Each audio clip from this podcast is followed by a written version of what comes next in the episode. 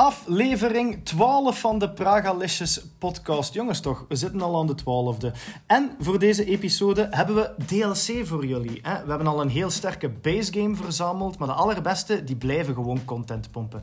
En wij hebben nu een nieuwe Temporary Expansion Pack, oftewel een seasonal event. Ja, hoe dat je het ook noemt, we hebben een stagiair bij Pragalicious. Een student journalistiek en een gamer fanatiek. Dag Roan. Goedendag.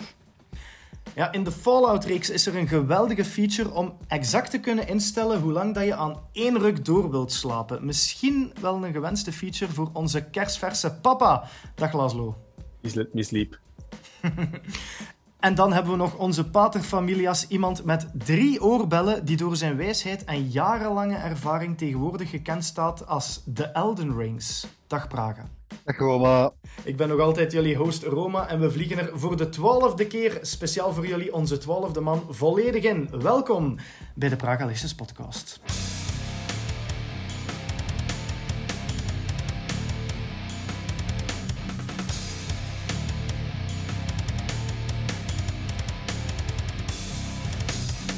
En zoals altijd, naar goede gewoonte, beginnen we met een amuseboesje met onze aperitieven. Laszlo, waarover wilde jij het even kort hebben? Wel, uh, het grote nieuws waar heel veel Nintendo-fans al op aan het wachten waren, uh, is dan eindelijk gekomen. Er komt een nieuwe Nintendo Switch, een OLED-model. Uh, model. Dus ja, een Nintendo Switch met een OLED-scherm. Jammer genoeg zijn de coole nieuwe features daar ook meteen uitgedeeld. Want uh, oké, er gaat een beetje meer geheugen uh, zijn. Het scherm gaat een beetje groter zijn. De dock ziet er een beetje anders uit. Is het eigenlijk gewoon hetzelfde toestel. Um, het is uh, basically dezelfde Switch die, ik weet het niet hoe oud de Switch ondertussen is, vier jaar geleden is uitgekomen of zo. Um, dezelfde processor. De batterij gaat ook gelijkaardig zijn aan de Switch dat je nu in de winkel kunt krijgen. Um, dus toch een beetje teleurstellend. Maar goed, er komt een nieuwe Switch en voor sommigen is dat reden tot feest. Is het jullie niet opgevallen dat bijna bij elke console, dan Nintendo of handconsole die Nintendo uitbrengt, dat er bijna binnen het jaar een nieuwe versie van komt? Bijvoorbeeld een 3DS en een 3DS XL bijvoorbeeld. Allee, ik, ik, ik, wil daarmee niks zeggen, maar het is toch opvallend. Ik bedoel, PlayStation die komt met de PlayStation 5 en de 4 en whatever. En die hebben niet binnen de zes maanden, hé jongens, we hebben nog een betere versie. En Xbox komt met, met One en X en dan Series X. En dus binnen de zes maanden van, hé hebben we een nieuwe console die iets groter en iets mooier is. Maar als je daarna kijkt in de voorbije jaren, bijna elke console die Nintendo heeft uitgebracht, handconsole moet ik nu moet ik wel zeggen, verschijnt er bijna binnen de zes maanden tot een jaar een nieuw, een nieuw model van. Vinden jullie het een goed verschijnsel dat developers en, en consolemakers en studio's dat die betere versies van hun console willen uitbrengen? Of hebben jullie meer zoiets van, kijk, uh, pak gewoon PlayStation 4, PlayStation 5. Oké, er zit al wel een pro tussen of zo. Maar werk gewoon altijd aan de volgende generatie in plaats van updates voor de huidige te geven. Ja, stel, stel je voor dat je zelf, zeg maar iets, vorige maand de Switch hebt gekocht. Dat is eigenlijk gepoept, want je ziet van shit, ik had beter gewacht tot er komt binnenkort een nieuwe uit. Oh, dat weet ik niet, want hij kost wel meer dan de, uh, de oorspronkelijke Switch. En dat is dan eigenlijk maar voor een, een kleine step-up van wat dat je al had.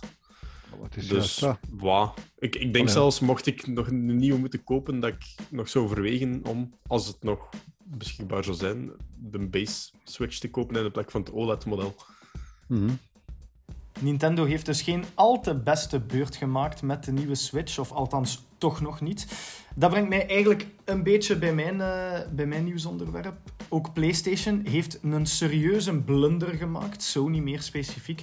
Er is dus een reclamecommercial geweest van de PS5, uh, een soort van uh, filmpje dat ze gedeeld hebben via hun eigen social kanalen, om het avontuur te promoten, om samen te spelen, te promoten, al die zaken.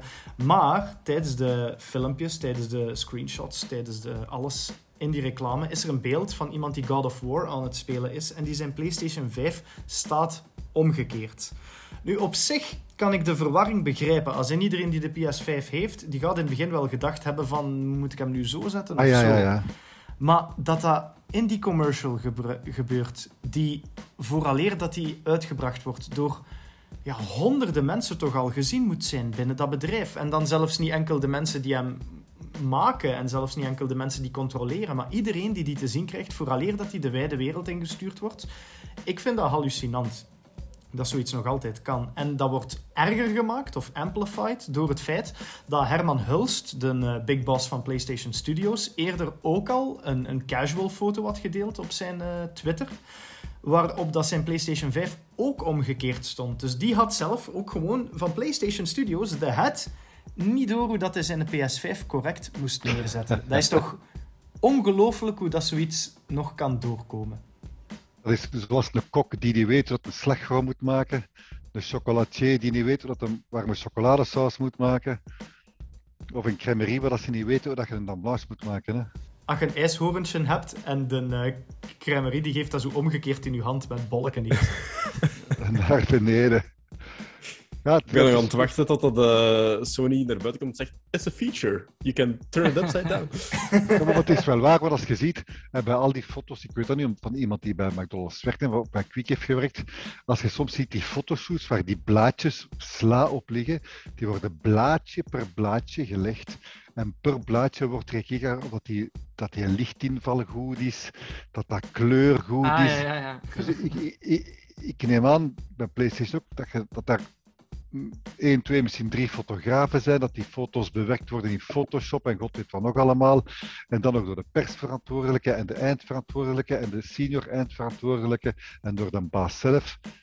Ja, ja ik weet het niet. Het is, het is het is zot. En als dat nog een klein detail zou zijn, want ik ga er inderdaad vanuit dat die er dan wel een half uur zitten van ja, zet hem een beetje meer in die hoek, kun van een beetje lager filmen en dat dan niemand zegt van en is dat omgekeerd? Dat ook wel. Maar ja, dat is gewoon het probleem. Hè. Niemand van die fotografen heeft al een, een periode kunnen bemachtigen van die PlayStation. Dus ja, die weten allemaal niet dat ze die moeten installeren natuurlijk. Maar uh, buiten, buiten de belachelijkmakingen van, van PlayStation en in veel mindere mate Nintendo, laat ons zeggen dat we daar gewoon niet content zijn, zijn er ook constant hevige strijden. En over één van die hevige strijden heb jij het, Rowan. Ja, zeker. Um, de laatste weken is niet alleen de MMO-scene, maar ook wel de gaming-scene um, in verband gekomen met de, de battle tussen de, de, twee giganten, toch wel bij de MMO's. De Final Fantasy uh, eh, 14 online tegen World of Warcraft dan. Um, is dat goed, is dat slecht? Dat, dat laat ik natuurlijk aan, aan, aan jullie over. Maar ik uh, denk dat het zeker een, een, een goed iets is. En voor sommigen ook wel een slecht iets. In de zin van, er is, het is een goed ding dat er competitie is, omdat uh, je altijd van elkaar kunt leren. En dat geldt niet, natuurlijk niet anders uh, voor developers. Dus um, ja, ideeën die bij World of Warcraft ingebracht worden, ziet je natuurlijk bij andere games daarvoor ook al en, en omgekeerd. Het, het gold systeem, de questen. Ik bedoel, we hebben natuurlijk ook nog EverQuest en zo van, van echt een hele lange tijd geleden, waar dat ook allemaal ideeën van genomen zijn. Um, net zoals dat tegenwoordig ook, en dat, is nu niet in MMO's, uh, er overal battle passes zijn of overal een battle royale. Ideeën, dat, dat, ja, competitie maakt gewoon een goede game. Dus dat is wel uh, het goede nieuws eraan. Het slechte nieuws is natuurlijk wel, uh, je hebt gamehoppers. Hè, dus de ene, ene week heb je Stel nu, je hebt in een MMO een groep waar dat je iets van content mee doet. De ene week zit je met, met 30 man. En de volgende week kun je 11 mannen hebben, puur door een hype in een ander spel. Dus dat is wel een, een, een probleem eigenlijk. Um...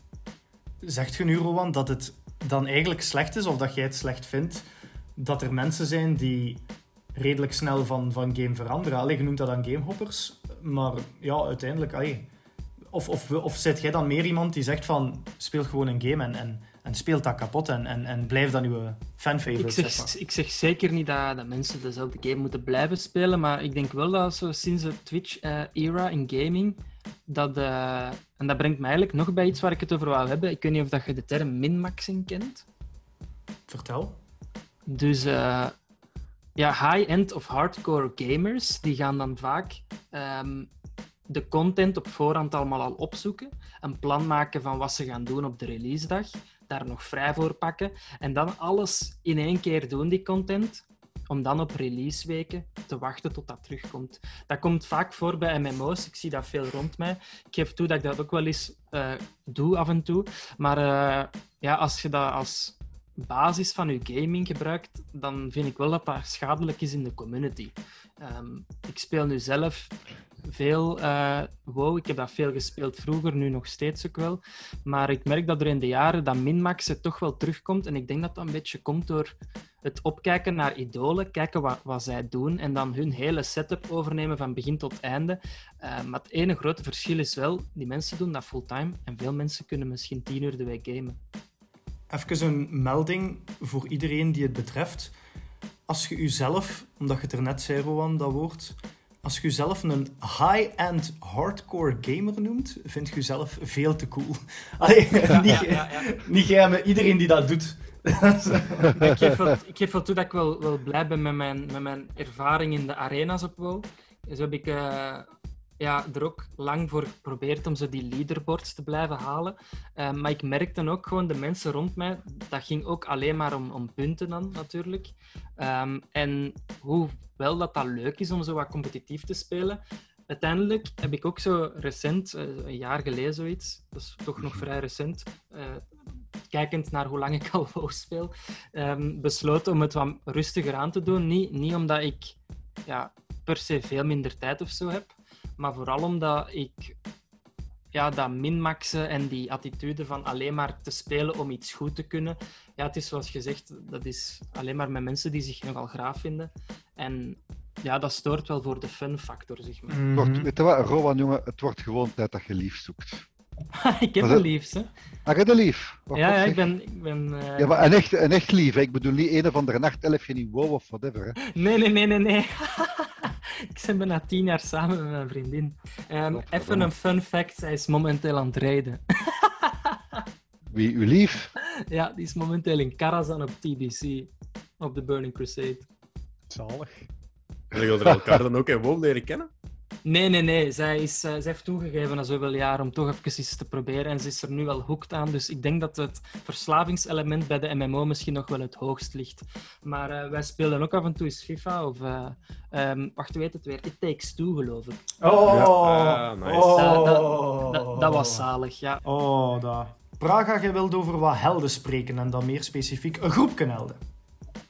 Ja, een van de beste RTS-games ooit. Misschien wel de beste.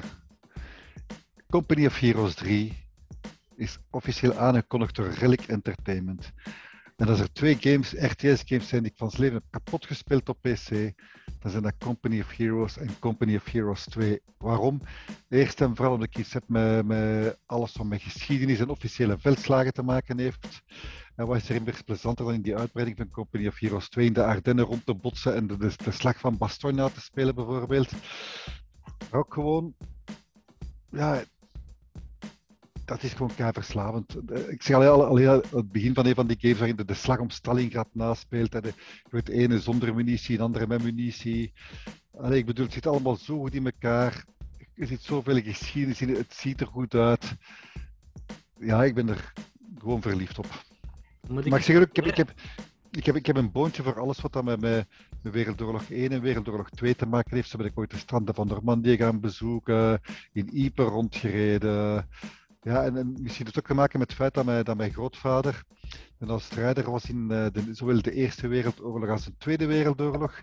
Dat hij in de Tweede Wereldoorlog uh, in de strijd rond Leuven is uh, gesneuveld, waardoor ik ook vanwaar ook deels mijn haat voor de Duitsers komt. Maar daar gaan we het nu niet over hebben.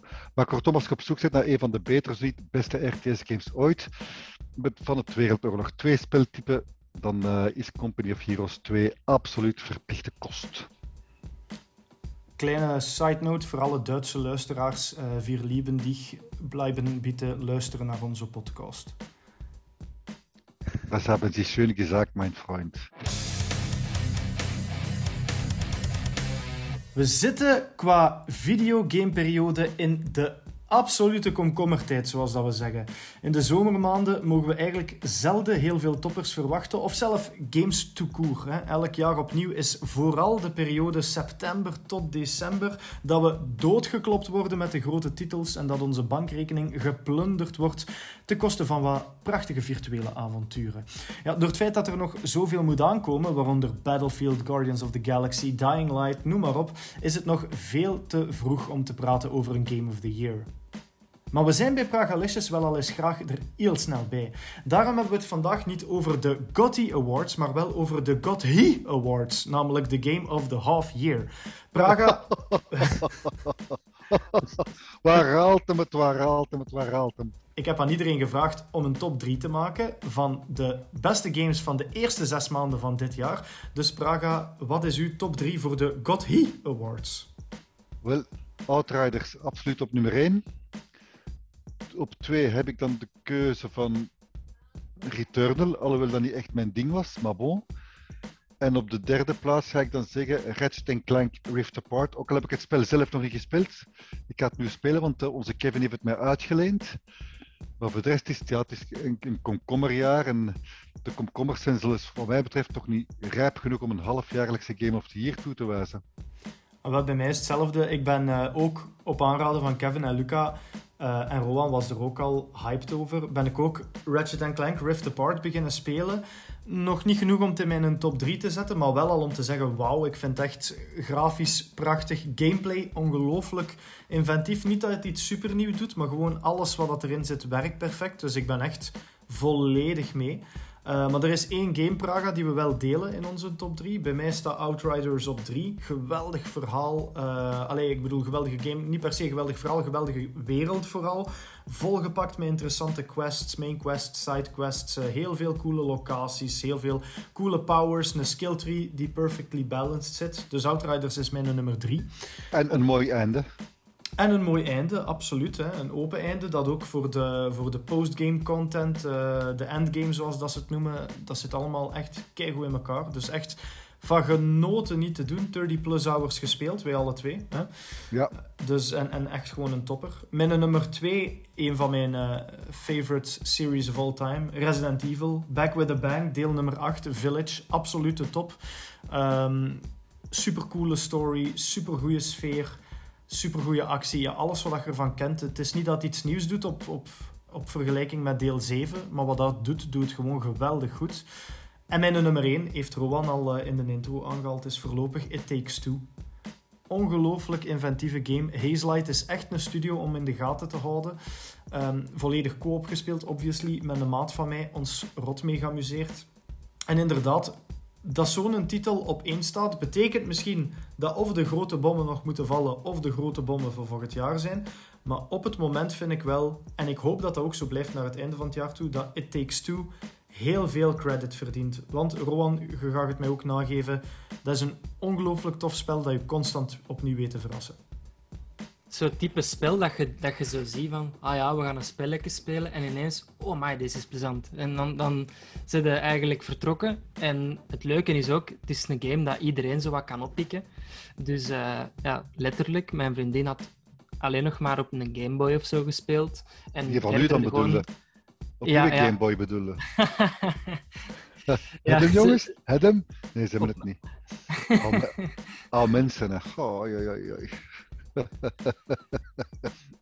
En die twee andere games, Rowan, zeg het een keer. Nee, wacht maar, heeft hij It Takes Two wel in zijn top 3 staan? Dat weten we nog niet, hè? Ik, ah, ja, ik wou het eigenlijk als een soort van honorable mention zelfs al zeggen, omdat uh, zowel, zowel It Takes Two als... Uh, eh, TBC, uh, eh, Burning Crusade, heeft ervoor gezorgd dat, mij, dat ik eindelijk wat kan gamen op FIFA na met mijn vriendin. Um, en um, dat zou eigenlijk de enige reden zijn dat ik ze dan in de top 3 zou zetten, wat ik dus niet, niet, niet doe, dus een honorable mention. Dus op 3 komt dan Ratchet Clank voor mij. Um, op 2 komt dan Final Fantasy. Uh, enkel en alleen eigenlijk, omdat um, ja, ik, ik heb altijd gelachen met de zogezegde WoW-killers. Ik denk nu niet dat WoW dood is hierdoor, maar ik denk wel dat, de, dat dit toch de eerste serieuze uh, concurrenties, zeg maar. En uh, ja, zeg maar, Praga. Ja, het, spel is nu uit op PlayStation 5 ook zeker, Final Fantasy 14 online, hè? Ja, en, en ze waren volledig uitverkocht, wat dat wel echt, echt zot is natuurlijk. In Amerika is het meer te verkrijgen digitaal. Dat heb ik eigenlijk nog nooit gehoord, eigenlijk. Digitaal, digitaal niet meer te verkrijgen? Ja, iets ja dat had ik dus ook niet uh, nog nooit gehoord. Ja, maar de server zit niet aan kunnen. Ik, ik, weet niet, ah, ja. ik weet niet, ja, ik heb er een artikel rond geschreven voor Rowan deze, deze week op Pragalicious over uh, Final Fantasy 14 Online, de WoW Killer. Dat kan ik je lezen. En uh, op je nummer 1 dan, uh, de nummer 1 dat zal dan Dead by Daylight zijn. Die worden nu wel vijf jaar, dus dat is niet een, een nieuwe game. Maar die brengen heel veel DLC en die kijken ook naar wat dat gamers in het algemeen leuk vinden. Zo hebben ze Saw al, uh, al een DLC van gehad. Ze hebben al een DLC nu ook van Resident Evil trouwens. En uh, ja, eigenlijk van heel veel van die, van die populaire karakters, zeg maar. En um, het geheel en het mooie aan het spel is, dat is eigenlijk een, een heel simpel spel. Je hebt dus generators dat je moet fixen om als uh, survivors te overleven, zeg maar. Uh, om de poorten te activeren, om naar buiten te gaan. Dus je moet samenwerken, van een killer ontsnappen en om de beurt, zeg maar, die een hit van die killer opvangen, waardoor dat je met z'n allen zou kunnen escapen. Is, uh, een beetje voor alle niveaus geschikt ook. En um, ja, dat is zo, toch wel het type game dat die, die adrenaline geeft. Um, maar zoals ik al zei, zeker geen nieuwe game, maar een vijf jaar anniversary en momenteel ook extra bloodpoints. Dat zorgt toch wel voor heel wat gameplay. Het is dus bij Rowan een uh, klein beetje Gottelfie, namelijk Game of the Last Five Years, maar we keuren het goed. Dan hebben we, dan hebben we drie God He's gehoord. Laszlo, we wachten nog op die van u. Ja, ik heb er eigenlijk zo nog niet echt in. En dat ik uh, zeg van, dat was nu zeker echt een noemenswaardige game. Disco um, Elysium. Ah, wel, ik was daar ook aan aan het denken. Ik was aan het denken aan Disco Elysium, aan de, de Mass Effect trilogie. En It Takes Two ben ik ook uh, een tijdje geleden begonnen met mijn vrouw. Maar eigenlijk nog niet genoeg gespeeld om echt een conclusie te trekken van dit is nu echt een, een zeer unieke game. Maar tot nu toe, ons allebei er al heel hard in uh, geamuseerd, ondanks dat mijn vrouw zelf helemaal geen gamer is. Uh, ik moet daar soms wel helpen met de camera en zo wat, wat, goed te, te sturen. Um, maar ja, dat lijkt me dan toch wel een, een hele leuke.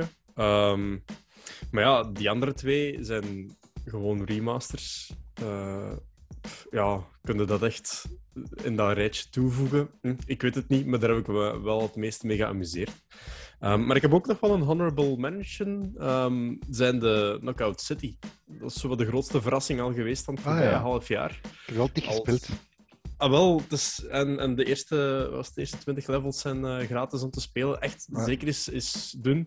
Zie wel dat je met um, nog twee, twee maten het kunt spelen. Ah, ja, ja. Het is echt wel leuk als je echt een, een volledig team hebt. Uh, want je moet toch wel wat kunnen communiceren met elkaar als jij allemaal een honorable mention mocht doen, dan doe ik een honorable mention voor Chivalry 2. Want dat is ah, pas lachen, hè? Ja, dat is pas lachen, hè? Praga, je zei er net al dat het een komkommerjaar is to court qua games volledig. Denk je dat er nog serieuze Game of the Year contenders aankomen in de tweede helft van het jaar? En zo ja, de welke? Als ik moet gokken, dan zal ik bijna hopen, hopen op Halo Infinite. Dat dat echt zo goed gaat worden als dat ze beweren dat gaat worden. Kwestie van race games gok ik en hoop ik op Forza Horizon 5. Maar voor de rest zie ik het dit najaar eigenlijk mager gesteld, eerlijk gezegd. Het zijn ook allemaal we gaan bijna moeten ons geld inzetten op remasters, remakes, director's cuts die nu plots aan populariteit aan het winnen zijn. Uh, weet je wat, we, maken geen nieuw, we brengen geen nieuwe game uit, we voegen er gewoon wat stukken aan toe, we maken een director's cut van. Uh, Death Stranding, uh, Ghost of Tsushima. Maar zo echt zeggen van, dat wordt nu eens de klepper die dit najaar het begin van 2021 gaat doen vergeten een game waar ik nog wel goede hoop voor heb, omdat ze dat toch zwaar aan het hypen zijn. Altijd gevaarlijk. Maar naast Battlefield 2042, waar ik heel veel ja. ge geloof in heb, Dying Light 2 kan heel goed worden. Deze dat staat ook op mijn lijst, ja. Dying Light 2 is volgens mij toch nog uh, een topper om naar uit te kijken. Ja, sowieso. Pas op, sowieso. Hè. Pas op, ik vind Dying Light er altijd een van de beste PlayStation games die ik de voorbije jaren gespeeld heb. Zeker en vast qua setting, qua verhaal qua actie, parcours, alleen noem het op allemaal, ik moet het niet herhalen. Maar ja, gaat het nog deze jaar verschijnen? Ja, normaal gezien toch? Ja, normaal Zeggen van wel. Toch. Als we dus een consensus moeten maken voor de voorlopige top 3 in het algemeen van ons, van de crew hier, van de Official Pragalicious God He Awards, dan denk ik dat dat It Takes Two, Ja, Outriders en Ratchet Clank Rift Apart is. Die drie zijn het meeste teruggekomen. dat Ja. klinkt heel, heel juist. Maar in welke volgorde zetten we die dan? Wat is, wat is de top 1 van die drie? Outriders niet, want dat is enkel ik en Praga die het vermeld hebben. Dus dat is de nummer 3. Maar zitten we dan Hmm. It Takes Two of, of Rift Ik Apart? zou It Takes Two zeggen. Voor Ja. mij is het ook It Takes Two. Ah wel, Dat voilà. is het enige waar ik iets over kan zeggen, dus ja, pak een die. Ah, wel, voilà. Dus of, officieel, na een ongelooflijk expertieus en prestigieus debat, de Praga Licious Gothi top 3 is op 3 Outriders, op 2 Ratchet Clank A Rift Apart en op nummer 1 It Takes Two. Two, baby. We leven in een wereld met enkele geweldige dingen. We hebben een gigantische sandbox om te ontdekken, vol main- en sidequests, prachtige natuur, takeaway aan huis en gaming vooral. Maar we hebben ook heel veel zaken niet. Er zijn geen tovenaars of magiërs die ons verder kunnen helpen. We kunnen geen vuur uit onze handen schieten of een eerdere save-file laden als we iets doms hebben gedaan. Dankzij alle virtuele werelden is dit voor gamers wel mogelijk en dus gaan we graag eens filosofisch diep in gesprek over in welke gamewereld wij wel eens graag zouden willen leven en wat dat we er eigenlijk in zouden doen. En dat bespreken we tijdens deze crème de la crème Praga. In welke wereld zien we uw alternatieve versie rondwalen? Ik heb in al die jaren al zoveel spelwerelden bezocht en herbezocht en nog eens bezocht. En voor mij dat gaat van, van, van Azeroth tot, tot, tot The Witcher, tot, tot de diverse werelden van Lara Croft. Als ik er echt, echt, echt, echt, echt ene moet kiezen, dan zou ik wel zeggen de wereld van The Witcher. Want daar lopen zoveel schone vrouwen hier rond dat ik niet zou weten waar eerst te kiezen. En aangezien de Witcher ze toch allemaal zal mo- mag binnen doen, zou ik ook voor een carrière als Witcher gaan.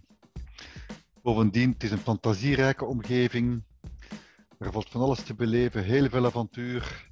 Links een pintje, rechts een varkentje aan spit. Genieten in de zon op mijn rug gelegen aan de rivier, bootje varen. Alleen met de wintermaanden zou ik het moeilijk hebben. Ik vraag me af, zo die, die, die mensen in de tijd van de middeleeuwen en de tijd van, eh, van de Vikings in de winter, als het buiten sneeuwt, die hadden geen chauffage, die hadden geen ramen, een deur waardoor het langs alle kanten trekt. Dus in de winter zou ik er niet verstandig naar verhuizen, maar een draken en draken en ja, fantasieën, hè. Fantasieën, fantasieën. En Siri. Oké, Praga. Je bent dus Praga from Huilard in het universum van The Witcher. En je komt Geralt of Rivia tegen. En Geralt zegt tegen u: Kijk, hij makker, jij bent een faker, ik ben hier de echte Witcher. Wat doet Praga from Huilard? De gast stop met zeven, we gaan er een drinken. en, en dat is hoe dat mannen al hun problemen oplossen. En dan nog over de voetbal beginnen. Oh, Kermorgen FC toch weer al op wilde doos gekregen. Hè? Ja, voilà. Als we gaan FIFA zitten volgend jaar, heb je het al gehoord? Van, van SK Rivia. SK Rivia versus FC Kermoren. Laszlo, wat is uw world of choice to live in? Wel, ik vind dat een heel moeilijke vraag. Ehm, Ja. Want er zijn zoveel fantastische gamewerelden, maar die zijn Ja. ook allemaal zo fucking gevaarlijk, hè, man. Dat is juist. Allee, ja, ik bedoel, ik ben een grote fan van bijvoorbeeld ehm, de wereld van Horizon. En dat vind ik heel mooi. Maar er zijn wel fucking immens grote monsters, mechanische monsters, die overal zijn. En je kunt eens een keer niet gaan wandelen, even een dutje doen eh, aan de rivier, gelijk dat Praga zegt. Dus eh, ja, dat valt dan al af. Dan ben ik weer aan het denken Mass Effect misschien, maar oh, dat is misschien wat te klinisch. Ehm, ja, Mass heel Effect, seks met een vrouw met een staart van 2 meter, dat moet ook niet gemakkelijk zijn, zijn vriend. God weet wat voor een voordeel heeft dat in Praga, dat weet ik niet. Dan kan andere fetishes naar boven brengen. Hè? ik heb qua virtuele werelden hetzelfde als Laszlo, in de zin van dat ik denk dat er heel veel van die werelden super cool zijn, maar ook heel gevaarlijk. De setting die mij ongelooflijk interesseert is die van Cyberpunk 2077, Night City. Ik heb me nog nooit zo goed en zo cool een toerist gevoeld. Eh, ik vond dat een geweldige metropool. Ik ben sowieso een heel grote fan van gigantische citytrips à la New York en Las Vegas. Dus Night City vond ik echt subliem. En ja, nog heel veel futuristische settings. Hè. Outriders, waar we het al over hebben gehad, lijkt mij een supercoole planeet om te ontdekken. En dan effectief daar een Outrider te zijn. Hoe cool is dat? Je gaat constant op reis naar ja, uncharted territory. Ik zou super graag in het verzet zitten op de planeten van Red Faction. En gewoon, ik zou echt wel de demolisher zijn. Ik neem in elke videogame, als we met een squad spelen, neem ik altijd de rol van uh, Destruction Guy op mij. Ik ben de kerel in Battlefield uh, waar dat je naar roept: Robin, er is een tank. En dan kom ik af met mijn C4 en een bazooka en alles. Uh, dus Red Faction zou ik ook super cool vinden. Of No Wanderer in Fallout. Doorheen heel die wasteland alles verkennen. Maar ja, natuurlijk is mij daar een lang leven beschonken. Dat is nog maar de vraag. Want ik hoop altijd de protagonist te zijn. Maar voor hetzelfde geld zit jij de kerel die doodgeschoten wordt. Dat weet je natuurlijk nooit. Veel prot, weinig agonist. was dat een goeie? Dat, dat, dat was een van uw betere. Dus, uh, ja, Serviceable. Rowan, waar vinden we u als de wereld vergaat?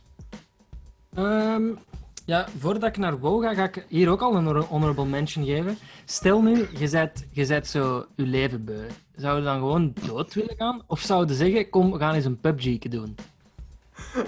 Um, oh my, dat is echt wel de mooie. Dat je dan zo eens kunt zien van, ah wel, waar zou ik eindigen bij die 100? En zet jij dan die loser dat zo te laat uit dat, dat vliegtuig springt en geen wapens heeft? Of, of wie zedde jij dan? Maar als je dood wilt, als iedereen daar dood wilt... En dan winnen ze. Iedereen springt uit dat vliegtuig en doet zijn parachute niet op. Ah ja, ik gewoon massa Het is wel duister natuurlijk, maar heb jij eigenlijk alleen. Dus ja. dat zou echt geweldig zijn. Zo. Dat is dan live op tv en iedereen zo van, amai, dit wordt zo spannend. En dat zo één voor één. Oei, we zijn Fall Guys aan het zien, mannen. ik, vond, ik vond uw uh, opzet wel prachtig. Dat was zo precies een commercial. Stel, je bent je leven beu. schrijf je nu in... Over, schrijf je nu over PUBG. Wie denkt aan zelfmoord, ga naar de zelfmoordlijn. Um, nee, ik voelde me even verantwoord om dat nog erbij te zeggen. Ja. Um, anyways, uh, dus we gaan wel naar WoW. Uh, ik dacht uh, altijd, als ik jong was, zo, een mage... Ik ben, ik ben altijd waarlijk geweest, maar een mage, dat moet ook wel cool zijn in het echt. Ze overal naar kunnen teleporten, portals maken, upsa, Ibiza, upsa, mijn werk. Uh, dat je altijd op tijd zegt, geen file, gewoon overal waar dat je moet zijn, je zijt er. Voilà. Zelfs in de komkommertijd is het soms lastig om te beslissen hoe dat je je komkommer het liefst geprepareerd hebt en opeet. En daarom hebben wij de suggesties van het huis, waarbij dat we u zeggen wat dat je met je komkommer het beste kunt doen. Sorry. What the fuck, man? Ik raakte er niet door. Houd dat gewoon, maat. Ik, ik dacht even van, heeft hij het oh. zelf niet door? Dubbel op deze... Oh. Ik moet hier nakomen, dat je echt niet kunnen gast. Laszlo. Laszlo, waar, waar steekt jij het liefst uw komkommer in deze komkommertijd? Laszlo, welke, welke komkommer hebt jij voor de luisteraars? What the fuck, man? De vlezige. Uh, mijn komkommer is boek.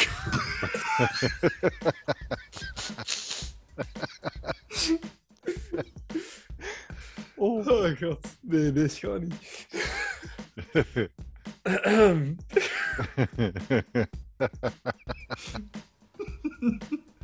Kom maar, los, stik die komkommer uh.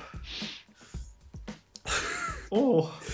Ik zei, ik heb een komkommer om naar te luisteren, maar dat is niet veel beter. Dat is om, om te lezen, uw komkommer. Ja. ik ga het gewoon zeggen. Uh, ja, doe dat. Mijn suggestie van het huis is uh, Project Hail Mary. Uh, voor de iets meer geletterde uh, Pragalicious luisteraar, wat ongetwijfeld iedere Pragalicious luisteraar is. Um, dat is een boek van de schrijver Andy Weir, uh, die ik misschien wel kent van The Martian. Um, en als je The Martian dan weer kent, dan uh, gaat je meteen ook al een beetje weten welke stijl dat boek gaat zijn. Het is science fiction, maar met een hele sterke klemtoon op The Signs. Dus, uh, dus... Het, kwe het, kweken van komkommers bedoelen. Niet het kweken van komkommers. Uh, het, het, heeft te maken met um, ja, een, een soort van buitenaards wezen dat het leven op aarde bedreigt, maar het is op zo'n manier gebracht dat het eigenlijk wel realistisch is. Dus het zou echt kunnen gebeuren. Um, het geeft een andere kijk op hoe Alien Contact er voor uh, de mensheid uit zou zien. En uh, ik ben er nu aan bezig. Ik ben er uh, naar aan het luisteren in Audible. Dus um, ja, ik vind het nu toe echt een, een, ik zou kunnen zeggen, page-turner, maar ik ben er naar aan het luisteren. En, het is een luisterboek. Je, je, kunt dat ook gewoon lezen, hè, maar ik heb ah. het, uh, de, de luisterversie. Uh, omdat ik een abonnement heb op Audible, dus uh, ja, mm. je moet iets doen met je geld. Praga, kende jij de verleden tijd van komkommersla? Kwam kwammersloeg. Kwam kwammersloeg, inderdaad. Oh, la, la. We hebben een ah, intelligenter in de op. We hebben een, een, een slimmerik in de op zitten. Wat doen we? Praga, wat is uw suggestie voor de luisteraars? Om te beginnen, als je persoonlijk vindt dat de komkommer te hard is, dan zou ik zeggen, gebruik een banaan. Die is al een beetje gebogen en die is malser. En op het vlak van games zou ik zeggen, het is inderdaad komkommertijd. Er verschijnt weinig dat er moeite is. Dus ik zou zeggen, doe gelijk als ik. Ga eens terug in de tijd en speel eens games, of herspeel eens games uit lang vervlogen tijden. Zeg, zo ben ik zelf bezig aan Alien Isolation, een game van zeven jaar geleden. En heb ik me ook recent, dat ik de game reeds op PlayStation 4 heb aangeschaft, namelijk Dying Light. De Dying Light Enhanced Edition gekocht op Xbox Series X. Omdat ik het nog eens kan herhalen. Maar Dying Light is een van de beste zombie games van de voorbije jaren. Het heeft een, een boeiend verhaal. Het heeft een uitgebreide, interactieve en zeer amusante spelwereld. Er zit parcours in, er zit actie in het zelfkraften van wapens en zo. Kortom, alles wat je in deze tijd nodig hebt om je voor te bereiden op de nakende zombie-uitbraak die er dankzij dit coronavirus toch is zal aankomen. Het is waar. En met die zombie-uitbraak blijven we voor de rest van de suggesties een beetje in thema. Bij mij is een serie die ik aanprijs, namelijk Resident Evil Infinite Darkness op Netflix. Review staat, staat intussen online op onze website, pragalicious.be. Ik heb het een 6 op 10 gegeven, wat dan niet de allerbeste score is. Zou ik het aanprijzen aan niet-fans van Resident Evil? Er is waarschijnlijk veel betere horror om te vinden. Maar voor alle fans van de reeks, iedereen die Resident Evil een hart toedraagt, absoluut de moeite. En niet enkel voor de mensen die dat vandaag de dag doen, want de serie speelt zich af net na de events van Resident Evil 4, tussen Resident Evil 4 en 5. En het, het, het is ook in die tijdsgeest zeg maar, opgenomen. Dus het is iets meer de, action-paced, de action-oriented uh, thrills die je krijgt. Het is op zich wel formulistisch. Het is uh, volgens het boekje dat wel allemaal. Maar Leon Kennedy is en blijft een badass. Resident Evil is en blijft een echte horror staple. En voor de fans is het echt een heel coole serie om te zien. Ik heb het gebinged. Het zijn vier afleveringen van een half uur. Dus het is basically een langspeelfilm in episodes. Het verhaal komt heel mooi tot een conclusie op het einde, dus geef het zeker een kans. En dat is niet het enige van Resident Evil dat we als suggestie hebben. Rowan, ja, ik uh, had het eerder ook al vermeld dat Dead by Daylight vijf jaar uh, bezig is eigenlijk. Um, en die brengen om de zoveel tijd, ik zou zeggen enkele maanden, enkele drietal maanden zoiets, een DLC uit. En dit keer is dat dus Resident Evil. Dat is ook al Saw geweest, maar uh, ja, um, Dead by Daylight moet ik dus niet meer uitleggen. Maar ik vind het dus geweldig dat ze ja, zaken als Resident Evil toevoegen aan de game. Dat, dat houdt toch zo de klassiekers terug naar boven. En met die suggestie zijn we weer bij het einde van onze aflevering. Zie die komkommertijd niet als een vloek qua releases, maar zie het als een zegen. Eindelijk tijd om massaal onze backlog weg te werken, want elke gamer die heeft er wel ene. Wat is de game die jullie echt deftig gaan spelen tijdens de zomermaanden, dat er al lang eens van had moeten komen? Laat dat ons zeker weten via podcast.pragalicious.be. En als jullie nog verdere vragen hebben, je weet dat we niks liever doen dan die te beantwoorden, dus fire away. Je kan ons terugvinden op Facebook, Instagram en zelfs TikTok en de podcast die beluister je op Spotify, Apple of jouw favoriete applicatie. Binnen twee weken zijn wij er terug en hebben we verse komkommersla. Tot dan. Ciao.